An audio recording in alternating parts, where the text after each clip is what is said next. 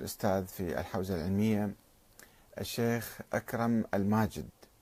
سؤالا في صفحته هذا اليوم بأن إنكار أحد الأئمة الاثني عشر لا يخرج المنكر المنكر من المذهب وذلك لأنه ليس إنكارا عينيا وإنما هو إنكار علمي يتقيم بقيمة بحثه. كتب يعني عدة آه، جمل مقطع صغير في هذا الموضوع وهذا أثار نقاش ساخن جدا وطويل وعريض جدا.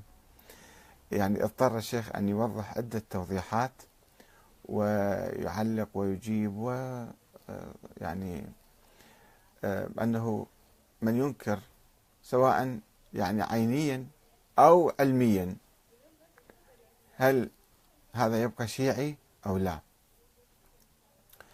طبعا آه، هنا الكلام أولا نعرف الشيعي من هو.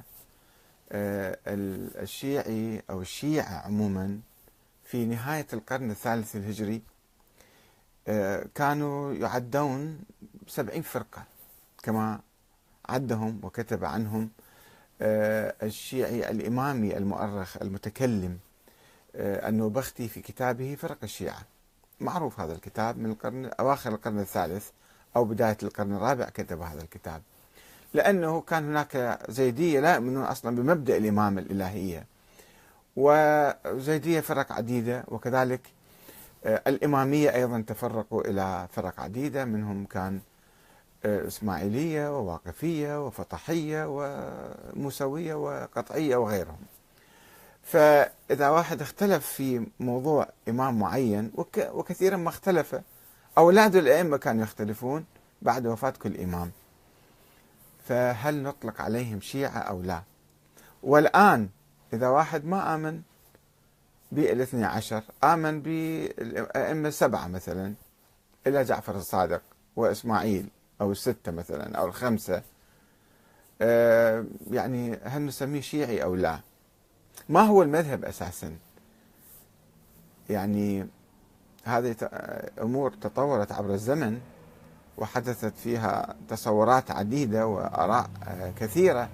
فلا يمكن أن نسلب صفة التشيع من أي شخص لا يؤمن بأحد الأئمة.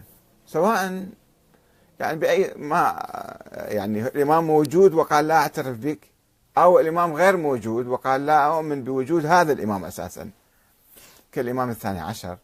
أنه لم يثبت لي ولادته أساسا. فهل نسميه شيعيا أو لا؟ آه، وهذا يعيدني آه، بالذاكرة إلى الوراء إلى أكثر من أربعين عاما.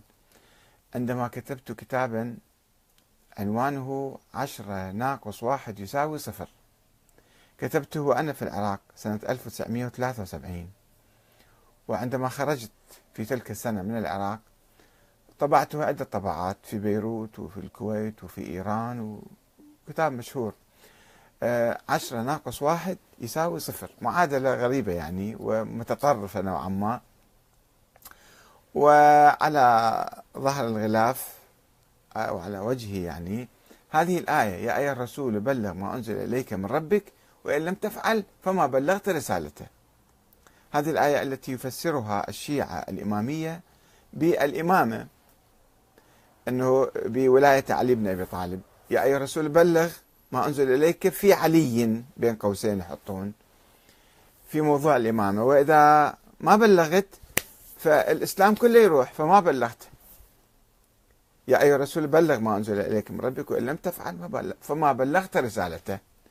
وكذلك الناس بعد ذلك إذا إذا جاءوا بالإسلام كله صلوا وصاموا وحجوا وزكوا وخمسوا وكل شيء فعلوا وعملوا. ولكن لم يؤمنوا بالولاية فإن إسلامهم لا يغني شيئا ولا يكتمل. اليوم أكملت لكم دينكم وأتممت عليكم نعمتي ورضيت لكم الإسلام دينا.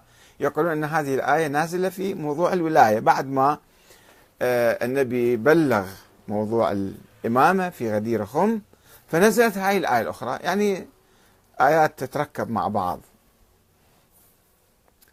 وبالتالي ليس من التشيع يخرج يخرج من الإسلام ربما.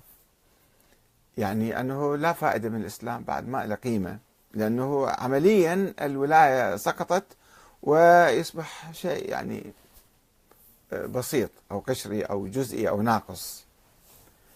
آه، هذا ما كنت أؤمن به أنا شخصيا. في السبعينات والثمانينات. إلى أن قمت بدراسة نظرية الإمامة من جديد وأعدت النظر فيها ودرست مفرداتها بدقة مفردة مفردة وإمام إمام. كيف أصبح الأئمة؟ واطلعت على آه، تفرق الشيعة واختلافهم ومذاهبهم المتعددة وأن القول بوجود الإمام الثاني عشر لم يكن واضحا ويعني مشهورا عند الشيعة. إنما هذا أجمعوا عليه فيما بعد أو اتفق فريق منهم عليه فيما بعد في القرن الرابع الهجري وولدت الفرقة الاثنى عشرية. الفرقة الاثنى عشرية التي تعتقد بوجود أئمة اثنى عشر أو اثنى عشر. هذه فرقة ولدت في القرن الرابع الهجري واختلقوا أحاديث حول موضوع الأئمة الاثنى عشر وقالوا أن النبي قد نص عليهم واحدا بعد واحد. وهناك قائمة من أول يوم كانت معروفة قائمة بأسماء الأئمة الاثنى عشر. ولذلك من ينكر واحد من هؤلاء الأئمة فهذا كأنه أنكر كلهم. وهناك حديث يتداولونه من أنكر أحدنا أو آخرنا كأنما أنكرنا كلنا يعني. كل الأئمة واللي ينكرنا ينكر النبي أيضا فراحت الدين كله راح. والمذهب كله يطير واللي يخرج المؤمن بشخص واحد حتى لو حصل عنده شك أو يعني تردد هذا خرج من المذهب ويجب أن يخرج من المذهب. آه، هكذا كنت أعتقد في الحقيقة حتى ذلك الحين في السبعينات. طبعا أنا نشأت على هذه الفكرة في الستينات. وبدأت أكتب فيها في السبعينات والثمانينات إلى أن قمت في آخر الثمانينات. ب 89 سنة 90 قمت بدراستي المعروفة التي سجلتها في كتابي تطور الفكر السياسي الشيعي من الشورى إلى ولاية الفقيه آه، وأن الإمام الثاني عشر. هذا موضوع لا توجد عليه أدلة وبراهين تاريخية. توجد أحاديث أحاديث يمكن اختلاقها بأي ساعة بأي لحظة. وتوجد أدلة فلسفية. أدلة فلسفية على أنه يقولون عقلية وهي ليست بعقلية على أن يجب أن نفترض وجود ولد الإمام الحسن العسكري وهو الثاني عشر وهو غائب وهو المهدي المنتظر وسوف يخرج ويربطون كل الحياة به بعد ذلك.